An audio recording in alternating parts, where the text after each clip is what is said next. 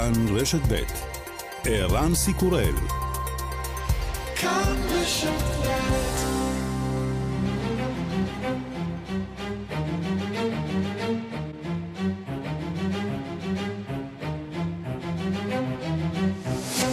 השעה הבינלאומית חמישה ביולי 2023 והיום בעולם. המהומות שפרצו לפני שבוע בצרפת בעקבות הריגתו של צעיר שנהג ללא רישיון הולכות ומצטמצמות והממשל מנסה לאמוד נזקים ולהפיק לקחים. כלי התקשורת בארצות הברית דיווחו אמש כי אבקה חשודה שהתגלתה שלשום בבית הלבן וגרמה להטלת סגר על מעונו של נשיא ארצות הברית, התבררה בבדיקות ראשוניות כסם מסוג קוקאין. בתוך כך בוושינגטון ציינו אתמול את חגיגות יום העצמאות בשורה של טקסים וחגיגות. השירות המטאורולוגי בארצות הברית הודיע כי יום שני האחרון היה היום החם ביותר שתועד ברחבי העולם אי פעם. הטמפרטורה העולמית הממוצעת עמדה על קצת יותר מ-17 מעלות. לאחר יותר מעשור של אחסון מים מזוהמים בתחנת הכוח שנפגעה מרעש האדמה והצונאמי, ביפן הודיעו על יוזמה לדילול מי הקירור של הכורים המושבתים, ואף קיבלו אישור מן הסוכנות הבינלאומית לאנרגיה אטומית, אבל ההסברים המדעיים לא מרגיעים את המדינות השכנות. חדשות טובות בתחום הסביבה, ניו זילנד הפכה המדינה הראשונה בעולם שאוסרת כליל על שימוש בשקיות פלסטיק במרכולים. הערב בגיאורגיה חצי גמר אליפות אירופה לנבחרות צעירות בכדורגל, ישראל מול אנגליה. אלפי ישראלים צפויים להיות ביציעי האיצטדיון בבתומי. השעה הבינלאומית בצוות רונית גור אריה, הדס סיוון ושמעון דוקרקר, בביצוע הטכני רומן סורקין, אני ערן סיקורל, אנחנו מתחילים.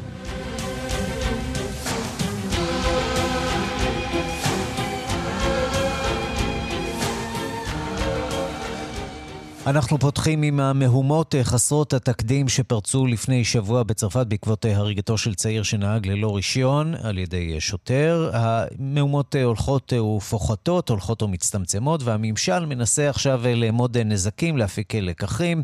בינתיים נחקר מותו של אדם נוסף במהלך פיזור המהומות. בדיון הציבורי מועלית בין השאר אחריותם של ההורים להשתתפות ילדיהם הקטינים במעשי הביזה, והחשש שקיים שם תמיד ממלחמת אזרחים, הצורך להגן על הרפובליקה, כפי שמדווח מפריז כתבנו גדעון קוץ.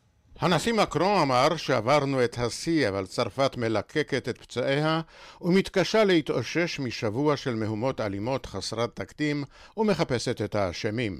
בינתיים הורה בית המשפט במרסיי לחקור את מותו של צעיר בן 29 שנהרג כנראה מירי כדור גומי מקרוב במהלך פיזור המהומות. הוא עצמו נסע על קטנוע ולא השתתף כנראה במהומות. בתי המשפט עסוקים בעשרות משפטים מהירים שנערכים בשיטת הסרט הנע למתפרעים שנעצרו במהלך המהומות, והעונשים הכבדים גם הם חסרי תקדים. לעיתים קרובות פורצת מהומה בבית המשפט, משום שהנאשמים הצעירים מביאים איתם את כל המשפחה. שר הפנים, ג'רל דרמנן, מודה שהפרופיל של העצורים הוא חסר תקדים. sur les 3400 interpellations, je viens de dire aux, aux commerçants qui m'ont écouté, il y a un tiers de ces 3400 personnes qui sont mineures. La moyenne מתוך 3,400 העצורים, שליש הם קטינים והגיל הממוצע של כולם הוא 17, רק 60 אחוזים מהם היו מוכרים למשטרה, בניגוד למה שקורה בדרך כלל. בממשל מעלים הצעות שונות להעניש את ההורים שהניחו לילדים הצעירים להשתתף בהרס ובמיוחד בביזה. הנזקים לבעלי עסקים נאמדים במיליארד אירו לפחות, למשל לקחת מהם את הקצבאות המגיעות לפי החוק, אך גם להעמיד לדין את ההורים בצד הילדים.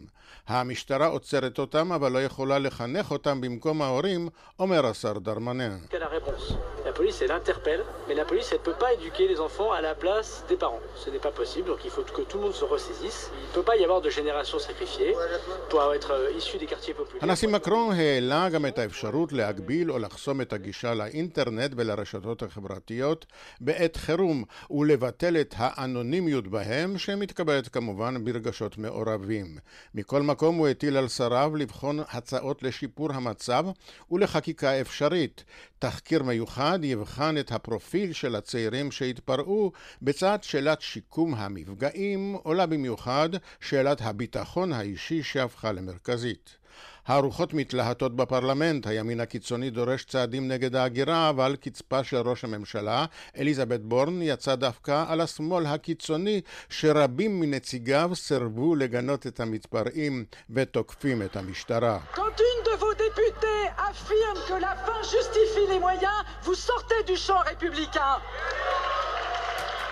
כשציר שלכם אומר שהמטרה מקדשת את האמצעים, אתם יוצאים מתחומי הרפובליקה. כשמנהיגיכם מדברים על רישיון להרוג של השוטרים ועל עונש מוות לצעירי הפרברים, אתם יוצאים מתחומי הרפובליקה, היא קראה בזעם לעבר ספסלי האופוזיציה. החשש ממלחמת האזרחים לא פג, המחנות מסתמנים בבירור, למשל באמצעות מבצע ההתרמות לטובת משפחת השוטר המואשם ברצח, שהצליח לאסוף מיליון וחצי אירו לפני שנסגר, ומשפחת ההרוג הגישה תביעת דיבה. התרמה דומה לטובת משפחת הצעיר הגיעה ל-150 אלף אירו בלבד. אך מי שחשים עצמם עכשיו בקו הראשון הם ראשי הערים שעיריותיהם הוצתו והותקפו, 220 מהם התקבלו לפגישה סגורה אצל הנשיא מקרון והרוחות כך אומרים להטו שם מאוד. ונסן ז'מברן, ראש העיר הקטנה של היילה רוז מדרום לפריז, עלה לכותרות ולעמדת השפעה במפלגתו השמרנית בזכות, אם אפשר לומר כך, ניסיון הרצח של אשתו וילדיו הקטנים על ידי פורעים שהציתו את ביתו וירו לעברם זיקוקים וחזיזים. הוא לא היסס להשוות את עצמו ואת עמיתיו ללוחמי הרזיסטנס נגד הנאצים במלחמת העולם השנייה. que tant d'entre nous ont incarné l'esprit de résistance. Et je voudrais remercier très sincèrement tous ces héros anonymes. הוא הודה לכל הגיבורים האלמונים שסייעו לכבות דלקות וקרא בהתלהבות אנחנו הרפובליקה.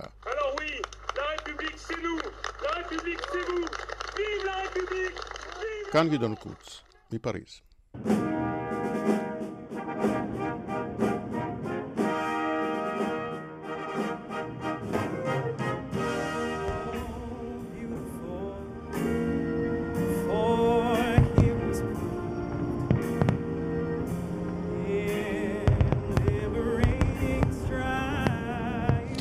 בארצות הברית חגגו אתמול את יום העצמאות, אבל התקשורת שם אה, עסקה בנושא חגיגי הרבה פחות. אה, כלי התקשורת שם דיווחו אה, שהאבקה החשודה שהתגלתה שלשום בבית הלבן וגרמה להטלת סגר על מעונו של נשיא ארצות הברית, התבררה בבדיקות ראשוניות כסם מסוג קוקאין. הנשיא ג'ו ביידן עצמו לא היה באותה עת בבית הלבן, אלא שהה בקמפ דיוויד, ועל כן לא הושפע מהאירוע הזה.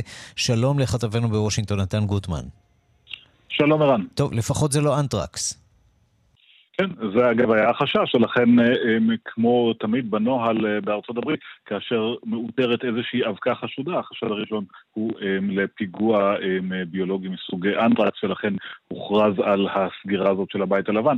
אגב, לא נוהל בלתי רגיל לגמרי הסגירה של הבית הלבן, אבל בכל מקרה, מה שקרה זה שביום שישי בשעות הערב, במהלך סיור שגרתי באגף המערבי של הבית הלבן, השומרים אה, מצאו אבקה חשודה באזור שמשמש לאחסון אה, טלפונים ניידים גם של אה, אנשי צוות הבית הלבן וגם של מבקרים שנמצאים בסיורים מורשים באזור הזה.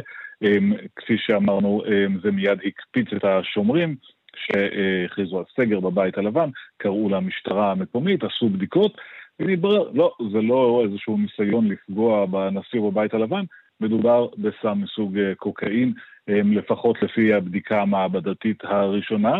ומאותו רגע זה הפך כמובן לקצת אה, קרנבל אה, תקשורתי, כאשר mm-hmm. כולם מנסים לנחש איך הגיע הקוקאין לבית הלבן. תשובה לכך אה, אין כרגע, אנחנו יודעים שהנשיא ובני משפחתו לא היו כלל בבית הלבן, גם לא אזור בהכרח שהנשיא מסתובב בו בבית הלבן. האם זה קשור למישהו מהיועצים הקרובים, מבני המשפחה, האם זה קשור למישהו מהעובדים או אורח מבחוץ, את זה אנחנו לא יודעים, מניח שלא יהיה יותר מדי קשה לברר אה, בימים הקרובים מאיפה זה הגיע בדיוק, בהתחשב ברישות המצלמות, אה, המצלמות האבטחה בתוך הבית הלבן, אבל כרגע לפחות אה, זה תופס בהחלט כותרות, ואת החקירה הזאת מנהל השירות החשאי במטרה לבחון מי הכניס את הסם לבית הלבן והשאיר אותו שם. כן, בית לבן עם אבקות לבנות מעט פחות. בואו נעבור מכאן לחגיגות 4 ביולי. ארצות הברית צוהלת. כן, צוהרית אולי מילה לפני החגיגות הארבעה ביולי, אגב, באופן כמעט מסורתי למרבה הצער, הוא יום של, אה, הוא חג שמאופיין גם באירועי ירי המוני, וגם הפעם בימים האחרונים לפחות עשרה בני אדם נהרגו במספר אירועי ירי ברחבי ארצות הברית. זה לא נגמר הדבר הזה, כן. לא נגמר, פילדלפיה, בולטימור, פורט וורס, אמ, גם וושינגטון הבירה, שם זה הסתיים בלי הרוגים, אמ, כך שצריך לציין את זה כאשר מדברים על החגיגות עבור רוב האמריקנים, אבל כמו תמיד זה היה יום של ברבקיו, יום של אמ, מפגן פטריוטיזם שמסתכם לרוב באמת באכילת אה, בשר תלוי וניתנות בדגלי הלאום. בבית הלבן, הנשיא ביידן שחזר לשם אה, אה, מקמפ דיוויד, גם כן ניסה קצת להכניס תוכן חגיגי כאשר כמו תמיד הוא אירח במדשאה אנשי אה, צבא, משפחות של אנשי אה, צבא שמשרתים שם ואחרים, גם אה, בשביל ברביקיו וגם כדי לצפות בזיקוקים. נשמע קטע מהברכה של הנשיא. We are the leading nation in the world. The rest of the world looks to us. And they look at this. Today's America's Day. America's Day. Go get them. כן, הוא יום לחגיגות, היום זה היום של אמריקה, אומר אה, הנשיא ביידן, ואחר כך יש כמובן את הזיקוקים המרהיבים אה, שאפשר לראות אותם מהבית הלבן. כן, בהחלט אה, יום שמח בוושינגטון עד כמה שאפשר. נתן גוטמן, כתבנו בוושינגטון, תודה. תודה, ערן.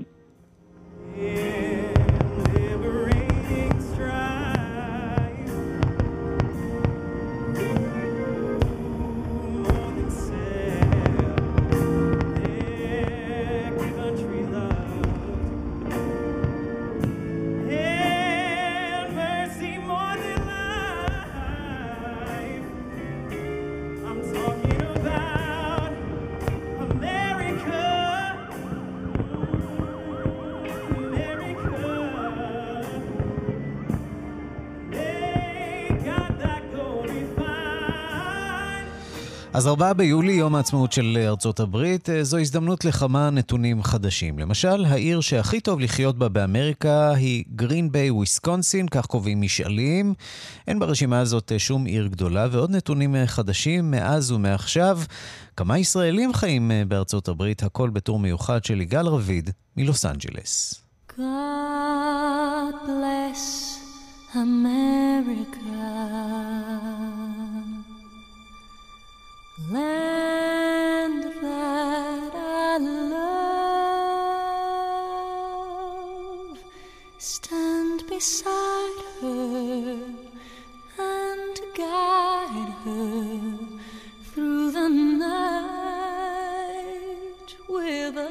זה היה בשניים ביולי, כשהכרזת העצמאות של 13 המושבות נכתבה על ידי תומאס ג'פרסון. מועצת העם הזמנית אישרה אותה יומיים אחר כך. ג'ורג' וושינגטון היה לנשיא, ומאז זהו יום העצמאות של ארצות הברית.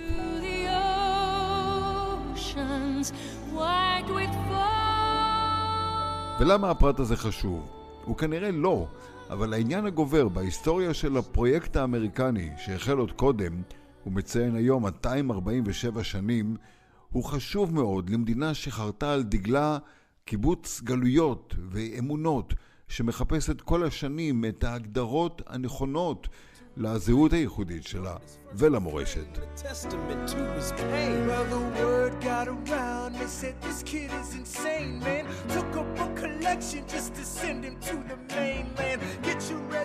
אלכסנדר המילטון הוא גם שם שהיה שם עם וושינגטון, ג'פרסון ולפייט.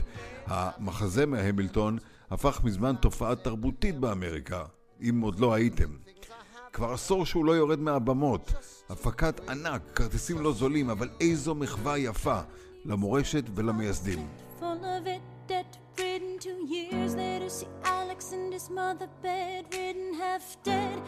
מדינת ענק, רב-שבטית, עדתית, קהילתית, 300 שפות מדברים בארצות הברית, האנגלית היא אפילו לא השפה הרשמית, למרות שעדיין הנפוצה ביותר. אגב, לא תמיד. ספרדית נושפת חזק בעורפה, והיום אפשר גם לקבל טפסים רשמיים של מוסדות המדינה והביטוח הלאומי בשלל שפות. רק תבקשו. הולה, איתדוס אונידוס. I like to be in America, okay by me in America, everything free in America. Får små fin Amerika Buying on credit is so nice.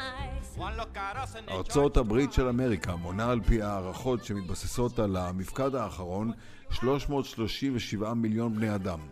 אבל המספר הזה כולל אה, רק את אלו שנספרו. כמה מהגרים לא חוקיים חיים היום באמריקה? אם מישהו היה יודע כמה נכנסו דרך הגבול הפרוץ, בעיקר מדרום, Lots of new housing with more space. Lots of them slamming in our face. סיפור הפרברים, שר לפני 60 שנה, על מהגרים, מפוארטו ריקו. אחר כך באו הקובנים, ואז הפלישה המקסיקנית, ומארצות דרום אמריקה ומרכז אמריקה. 30 מיליון, זו הערכה, זה מספר שמדברים עליו. הוא כולל כבר דור שני ושלישי שמעיקים על המערכות השונות ויוצרים מתח חברתי. אבל צריך להגיד את האמת, רובם לא בוחלים בעבודות שחורות שפעם רק השחורים היו עושים. ההגירה הזאת היא הבעיה הגדולה של אמריקה, כמו גם בעיה אחרת שלא קשורה בהכרח למהגרים, אבל גם פשע, סמים וחסרי בית שמתגוללים ברחובות, וזה קורע לב. טראמפ לא היה הראשון שאמר בואו נחזיר את אמריקה הגדולה, אבל גרעין דתי, אמוני, נוצרי, גדול, יחד עם שמרנות שחזרה בגדול, החזירו שוב לסדר היום הפלות, נושאים להט"בים, חירויות אישיות וערכים שפעם לא היה ספק לגביהם. כמה שירים אפשר לכתוב על אמריקה עולים, יורדים, חוזרים, עולים לאמריקה כמה שירים אפשר עולים, יורדים, חוזרים, עולים לאמריקה, ואיפה אנחנו בסיפור? כמה ישראלים חיים בארצות הברית? שמענו כבר את כל האומדנים שמגיעים גם למיליון, אז מיליון אולי עברו כאן כל השנים. אני בין אלו שחושבים שהמספר נמוך בהרבה. בהרבה. איך רואים? יודעים. בלוס אנג'לס יש כמה עשרות אלפים. גם בניו יורק, הכוונה לישראלים, לא בהכרח יהודים, ישראלים, ולא מבקרים או רילוקיישן זמניים, כי אין מוסדות קהילה, תרבות, תקשורת, עסקים, חינוך, אוכל של ישראלים, כלומר יש, אבל רחוק, רחוק מאוד מהגודל שמגדיר קהילות אחרות, כולן בעצם, והן יותר גדולות. קוריאנים, ארמנים, איראנים, סינים, רוסים, הם כנראה רק עושים פחות רעש. כאלה אנחנו, גם באמריקה, אצלנו וגם אצלם. החלו כבר בסוף השבוע החגיגות, הזיקוקים, גם המנגלים החדשים. God bless America.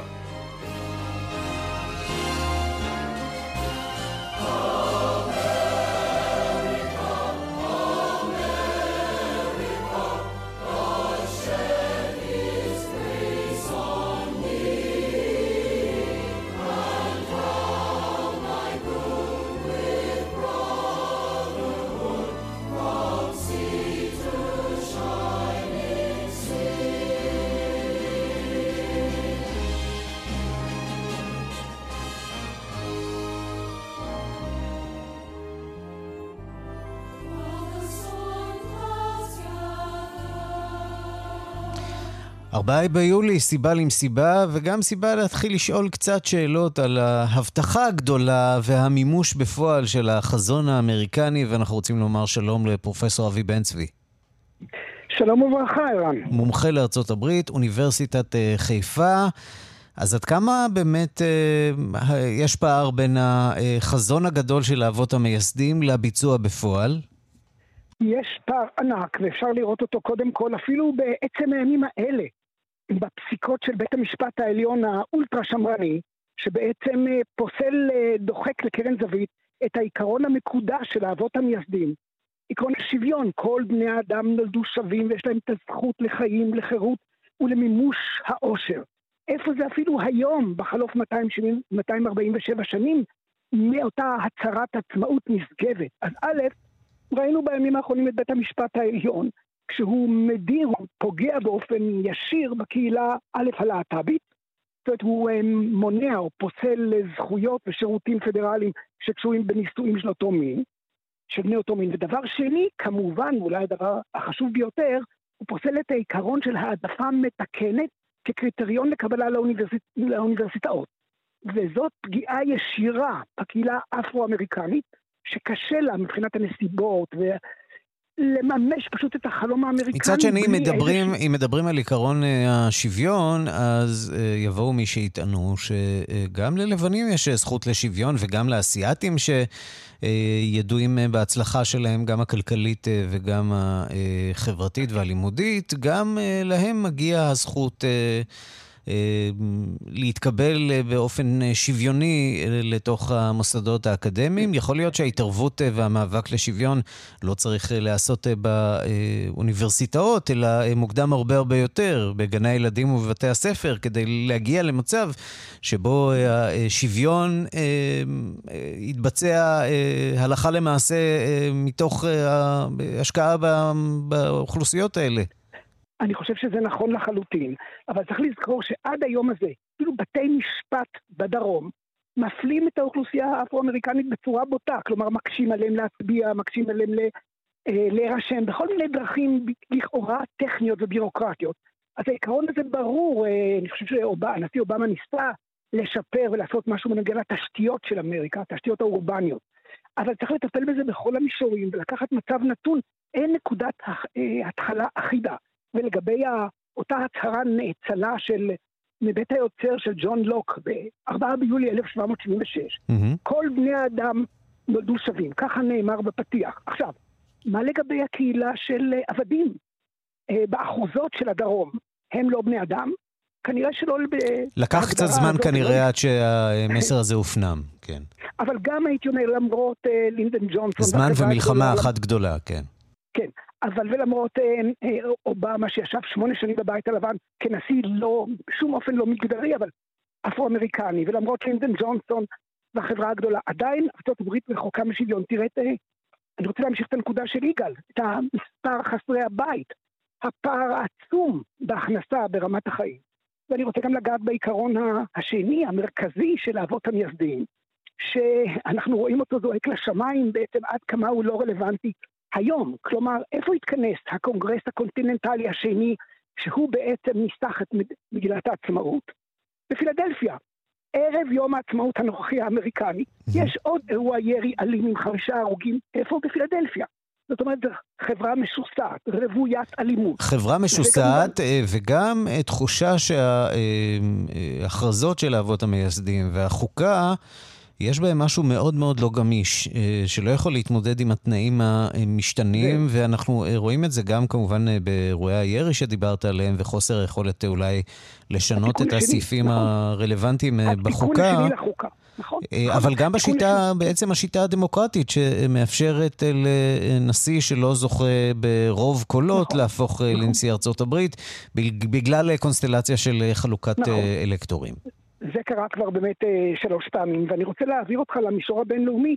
אה, באמת, האבות המייסדים, הם, גם היו אנכרוניסטים כמובן, אבל גם, אתה צודק, גם היה, יש כאן איזה קיבעון, אבל גם בעצם התקשטו בנוצות אוניברסליות. כלומר, הם לא דיברו רק על מאבק נגד הבריטים, הם דיברו על מאבק החובה להתנגד בכוח למשטר מדכא, למשטר אלים, למשטר רודני.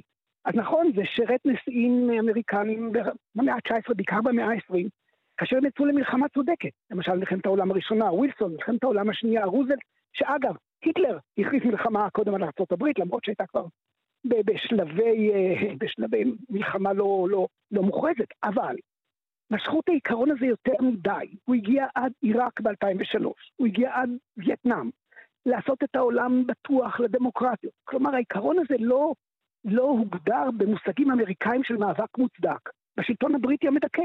אלא הוא הפך להיות איזה מסר אה, גלובלי, מסיבי, טוטאלי, שזה הפך להיות קלישאה, וכל המלחמה הקרה ואחריה ארה"ב תומכת בדיקטטורים באמריקה הלטינית, אבל הם דיקטטורים שלנו.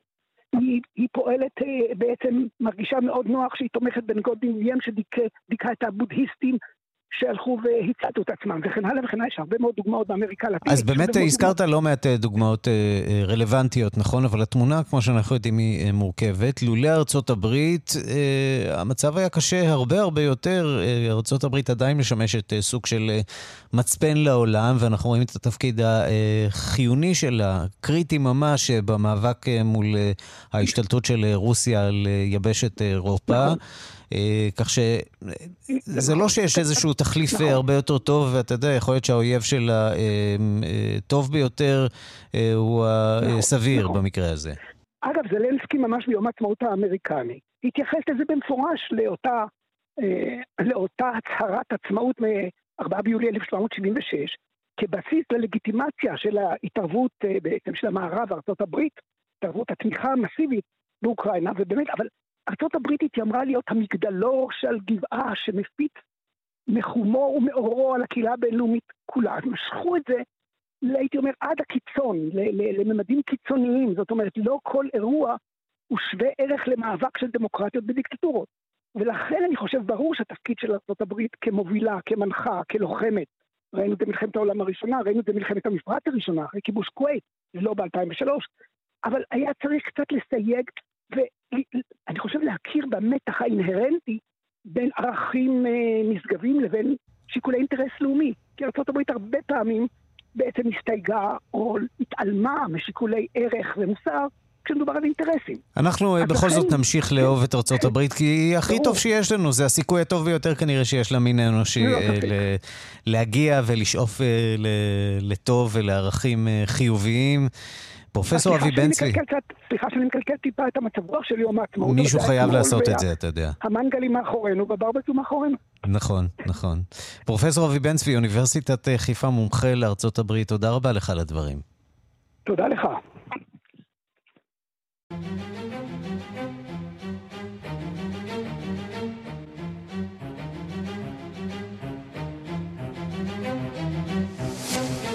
אז יקרה הערב בגיאורגיה, חצי גמר אליפות אירופה לנבחרות צעירות בכדורגל. ישראל מול אנגליה. אלפי ישראלים צפויים להיות אה, ביציעי האיצטדיון בבתומי, ומי שעושה דרכו לשם, לאיצטדיון, הוא שליחנו ליאן וילדאו. שלום ליאן. שלום שלום, ערן, שלום אה, למאזינים. כן, חצי משחק- גמר, מי היה מאמין שהדבר הזה מת... קורה שוב? זה משפט שאמרנו המון, מי היה מאמין בחודש וחצי האחרונים, כולל נבחרת הנוער, עכשיו הנבחרת הצעירה, מגיעים לשיאים בזה אחר זה, והפעם אה, על הפרק גמר יורו צעירות, משחק מול אנגליה, פייבוריטית לנצח אנגליה, נבחרת שלא הפסידה אה, אפילו פעם אחת בטורניר הזה, לא ספגה שער, כך שזו משימה קשה עד מאוד. אבל כבר למדנו שהנבחרת הזו יודעת אה, לנפק אה, יכולת ותעצומות נפש במעמדים מיוחדים אה, וזה מה שמצפים שיקרה היום. בוא נשמע את המאמן גיא לוזון לקראת המשחק מול אנגליה בבתומי הערב. לא צריך להיות איזשהו גאון כדורגל כדי להבין את הבדלי הרמות בינינו לבין אנגליה. אנחנו לא יכולים לנצח אותם לא בפיזיות, לא במהירות, לא בקצבים, גם בהרבה מקרים לא בכישרון.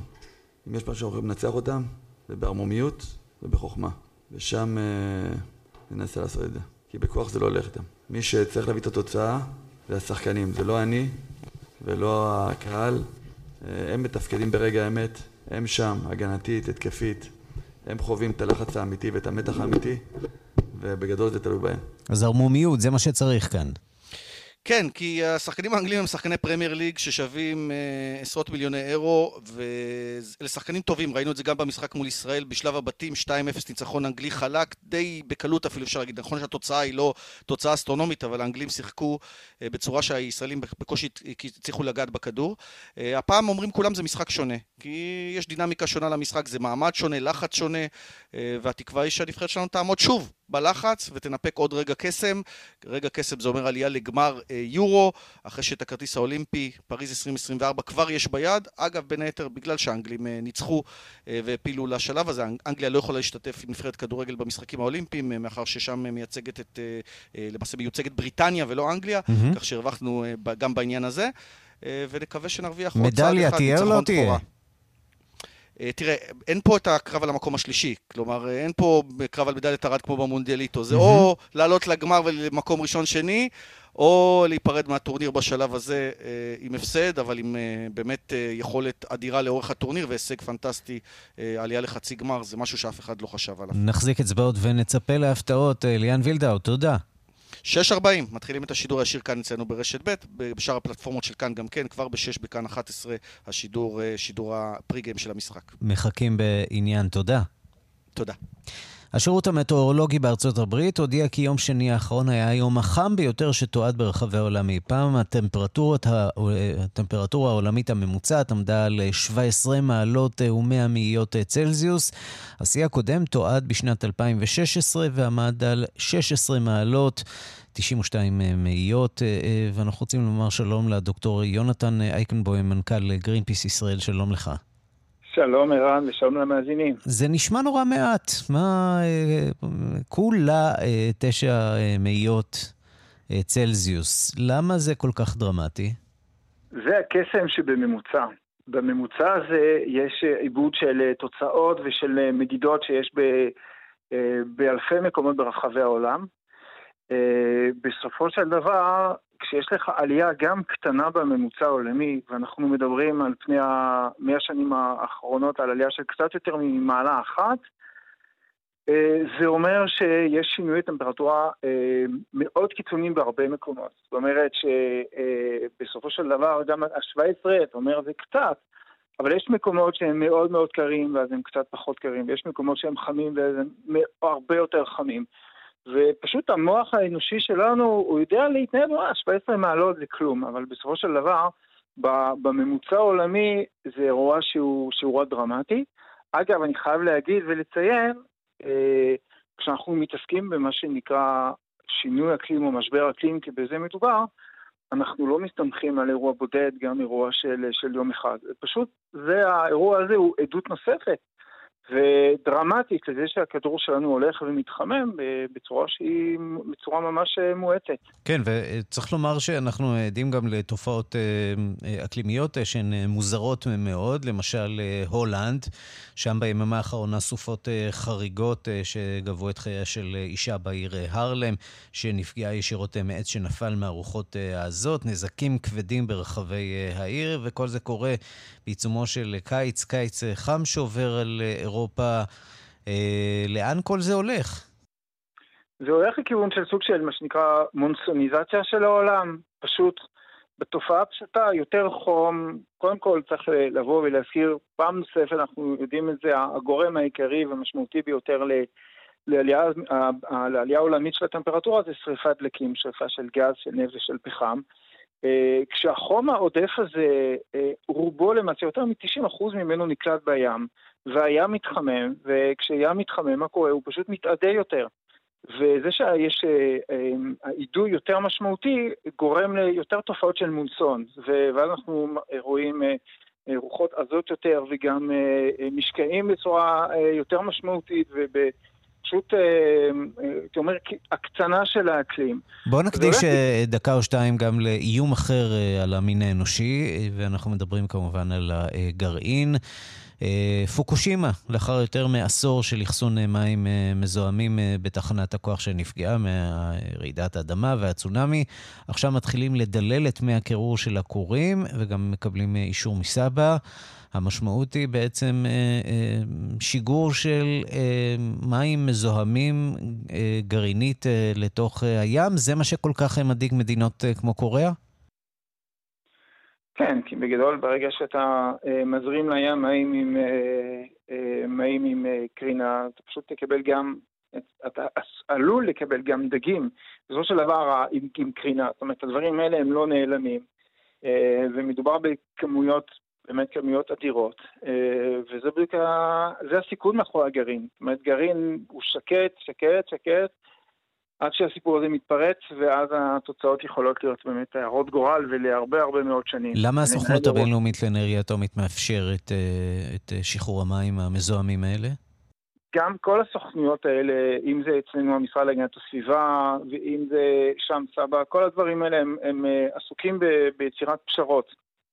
פשרה בין השמירה על הסביבה, השמירה על בריאות הציבור, לבין אה, הפעילות הכלכלית השוטפת ו- ושורה של אינטרסים אה, שהם מתנגשים. ובמקום הזה המסגרת לכתחילה היא מסגרת שבה, מסגרת של פשרות. אז אה, זה, אה, זה להערכתי הסיפור מאחורי ה... מאחורי כן, ואולי ההחלטה המקרה. הקיצון ביותר שבו המין האנושי פוגע אה, סביבתית בעצמו, הוא אה, מה שקורה באוקראינה. אה, דיברנו לא מעט על אה, הסכר שגרם אה, להצפות, פיצוץ הסכר. עכשיו גוברים החששות מפני פגיעה בכור הגרעיני הגדול ביותר באירופה, זה בזפוריז'ה. הסיפור הזה שם הולך ומסתבך, זה ודאי מעסיק גם אתכם.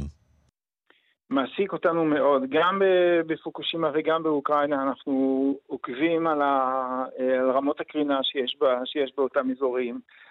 אה, ומה שקורה אה, באוקראינה הוא, הוא מסביר יותר טוב מאלף מילים אה, מה הסיכונים שעומדים מאחורי אנרגיה גרעינית. כי כשרוצים לפתח אנרגיה גרעינית יש הנחת יסוד, שהיא בעצם הטיית יסוד, שאנחנו חיים בעולם שהוא נורא יציב, ושהוא עולם דמוקרטי, ושיש שמירה על הכל. האנרגיה הגרעינית וההישענות על חשמל ממקור גרעיני זה שייך לדמוקרטיות החזקות של, האמצ... של המחצית השנייה של המאה ה-20. ואנחנו רואים לנגד עינינו עולם כזה שהוא עולם שהוא משתנה והופך להיות בלתי יציב. הדוגמה הרוסית היא דוגמה באמת יוצאת מן הכלל כדי להמחיש את הסכנות ש, אה, שיהיו אם אנחנו נוריש לדורות הבאים בעוד 50 שנה, בעוד 100 שנה, בעוד 200 שנה, כורים גרעינים, פסולת גרעינים, גרעינית. אלה דברים שבאמת הם... אה, בוא נקווה שהמין. האנושי ילמד את הלקח, או שלפחות אה, ימצא דרכים אה, להבטיח בצורה יעילה יותר את שלמות המתקנים האלה. דוקטור יונתן אייקנבוים, מנכ"ל- מנכ"ל גרינפיס, תודה רבה לך על הדברים. תודה רבה וצהריים טובים. ובכל זאת, קצת חדשות טובות בתחום הסביבה. ניו זילנד הפכה למדינה הראשונה בעולם שאוסרת כליל על שימוש בשקיות פלסטיק במרכולים. הדיווח של ענת גיא מקרייסטצ'רץ' שבניו זילנד. מה שוקל יותר, קילו תפוחי עץ בשקית פלסטיק, או קילו תפוחי עץ בשקית בד? מ-1 ביולי, קיווים לא יוכלו לענות על השאלה הזו. השלב השני בהוצאת פלסטיק לשימוש חד פעמי נכנס לתוקפו, והמשמעות היא שאין עוד שקיות ניילון בסופרמרקט. ניו זילנד היא אחת המדינות בעלות מודעות הסביבתית הגדולה בעולם, ומ-1 ביולי זו המדינה הראשונה בעולם האוסרת על שימוש בשקיות פלסטיק לשימוש חד פעמי. וזאת לאחר שמ-2019 חל איסור על שימוש בשקיות עם ידיות אשר שימשו את הקונים בסופרמרקט. רייצ'ל ברוקס מהמשרד להגנת הסביבה הניו זילנדי מסבירה. New Zealand produces too much plastic waste. Plastic is produced, uh, it's an oil-based product, product, and of course then it has to go somewhere. ניו זילנד מייצרת יותר מדי זבל עשוי פלסטיק. הפלסטיק הוא מוצר המבוסס על נפט. כל אלה צריכים ללכת לאנשהו. ואכן מומחים טוענים כי המהלך הנוכחי עשוי לחסוך כ-150 מיליון שקיות פלסטיק בשנה.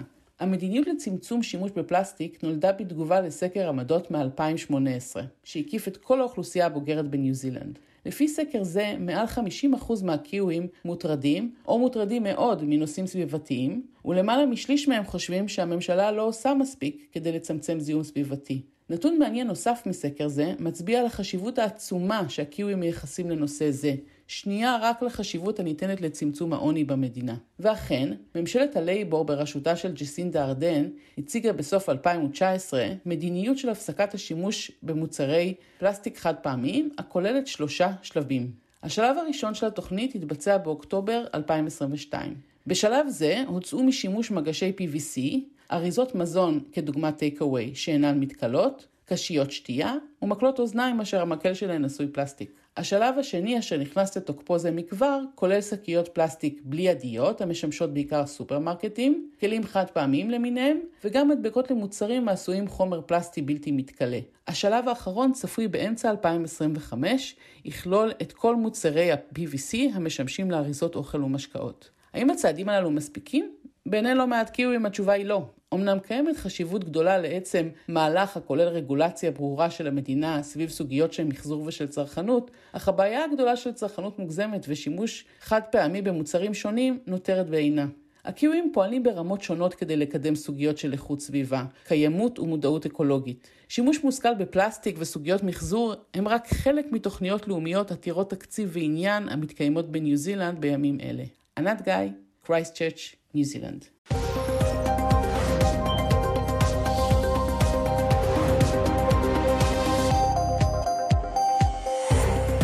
העולם מספיק גדול ליותר מתוכנית חוץ אחת ברדיו, העולם היום, יומן החוץ של כאן 11 בטלוויזיה. זו ההמלצה שלנו לשעות אחר הצהריים שלכם. זה קורה בכל יום, בשלוש מיד אחרינו. שלום אה, למיכל רשף ומגישת העולם היום. מה היום על סדר היום שלכם? שלום ערן, כפי שאתה אוהב לומר, אה, כאן מעמדת הביוטי, אה, ממש רגע לפני אה, הכניסה לאולפן. כן, אז אה, תראה, אנחנו נדבר היום על המבצע בג'נין בראי העולם, איך העולם מסתכל עלינו בימים האחרונים, ננסה להבין איך התקשורת הזרה התייחסה לאירועים הללו בג'נין, מה ראו, איך דיווחו, גם רעיון שגם חלק מ... רעיון של אה, נפתלי בנט אה, ל-BBC, שאפשר אה, לראות מה הנרטיב המדויק שם של הכתבת. אז אנחנו נדון בעניין הזה, עד כמה ההסברה הישראלית עבדה. אנחנו נדון בעניין הזה, נהיה גם ברוסיה וגם ב, ב, ב, במלח, במלחמה באוקראינה בעצם, גם עם החשש אה, לפיצוץ הכור בזפוריז'יה וגם עם אותה תקיפה של העיתונאית ברוסיה, וגם בארצות הברית שחגגה עצמאות אה, בדרך היחידה שהיא מכירה, תחרות אכילת נקניקיות. אנחנו נספר, נ, נ, נעמיק בסיפור הזה. איי, ארוחת צהריים זה בהחלט רעיון טוב אחרי השידור שלי. לך יש עוד אה, נספר על שעה. ההיסטוריה של התחרות הזאת, ולמה היא כל כך אמריקנית, שזה פשוט, זה המשל המופלא לאמריקה. מיכל רשף, תודה. תודה. שלום למירי קרימולובסקי. שלום, שלום. יש את התרבות שלנו עם המלצה אחת לסוף השבוע. כן, אחרי שאמרתם שאנחנו צריכים לנצח את אנגליה בערמומיות, אז יש לנו ניצחון קטן במוזיאון תל אביב, תערוכה חדשה של מי שזכתה בפרס שיף, אה, פרס שיף זה אה, אומנות אה, פיגורטיבית, ובמרכז יצירתה, הארי, הארי האנגלי, לא הנסיך, נסיך אחר, נסיך דנדי. הגבר האנגלי שלובש שמלות במוזיאון תל אביב זה לא מובן מאליו לדבר על נושאים כאלה כמו מגדר, ובואו נשמע את הארי שביקר פה בארץ לנור, ל, ל, ל, לטובת אה, פתיחת התערוכה, בבקשה. I mean, it was a nice surprise from a chance meeting outside the Musée d'Orsay in in Paris, and just um, she approached me and said, you know, I'd like to make some pictures of you, and I wasn't too sure, and then saw some of her past work, and then it was just instantly, yes, I would like to see some portraits done of me like this. And me, it's just good fun to come to. I mean, it's good to have an excuse to come to the Holy Land. אז אה, כן, אז היא פוגשת אותו רוני, ונזכיר שרוני, עשינו עליה כתבה ב-2019. היא הייתה האומנית היחידה שהלוב בחר בה לתערוכה ל-50 שנה לנחיתה על הירח, והפעם היא מביאה את, באמת את הבחור הזה שאומר, איזו התרגשות, האישה שפגשה אותי באורסי ואמרה שהיא ציירת, לא. ידעה כמובן שהיא בת למשפחת אצולה, לנורית זרחי ויורם תהרלב, המנוח. והוא אה, אמר, אני רוצה לראות עבודות שלך, אני לא מוכן סתם להיות דוגמן. ואחרי שהוא ראה, ותאמין לי, נכנסים במוזיאון תל אביב לתערוכה, זה ממש כמו ה-National Portrait Gallery בלונדון. והגבר הזה, העיסוק של רוני במה זה להיות אישה, מה זה להיות גבר, מה זה אומר על גבר שרוצה להיראות קצת אישה, והיא מעבירה אותנו לתולדות האומנות דרך דמות עכשווית, דרך הבחור המרגש הזה, שהמשפט האחרון שלו היה, כן. העיקר שזכיתי להגיע לארץ, לארץ הקודש, וזה היה הדבר הכי משפט יפה. בעצם מירי קרימולובסקי. תודה. תודה לך, ערן. ועד כאן השעה הבינלאומית אה, בצוות רונית גואריה, הדס סיוון ושמעון דוקרקר בביצוע הטכני רומן סורקין. אני ערן סיקורל, מיד אחרינו רגעי קסם עם גדי לבנה. אנחנו נהיה כאן שוב ביום ראשון. להתראות.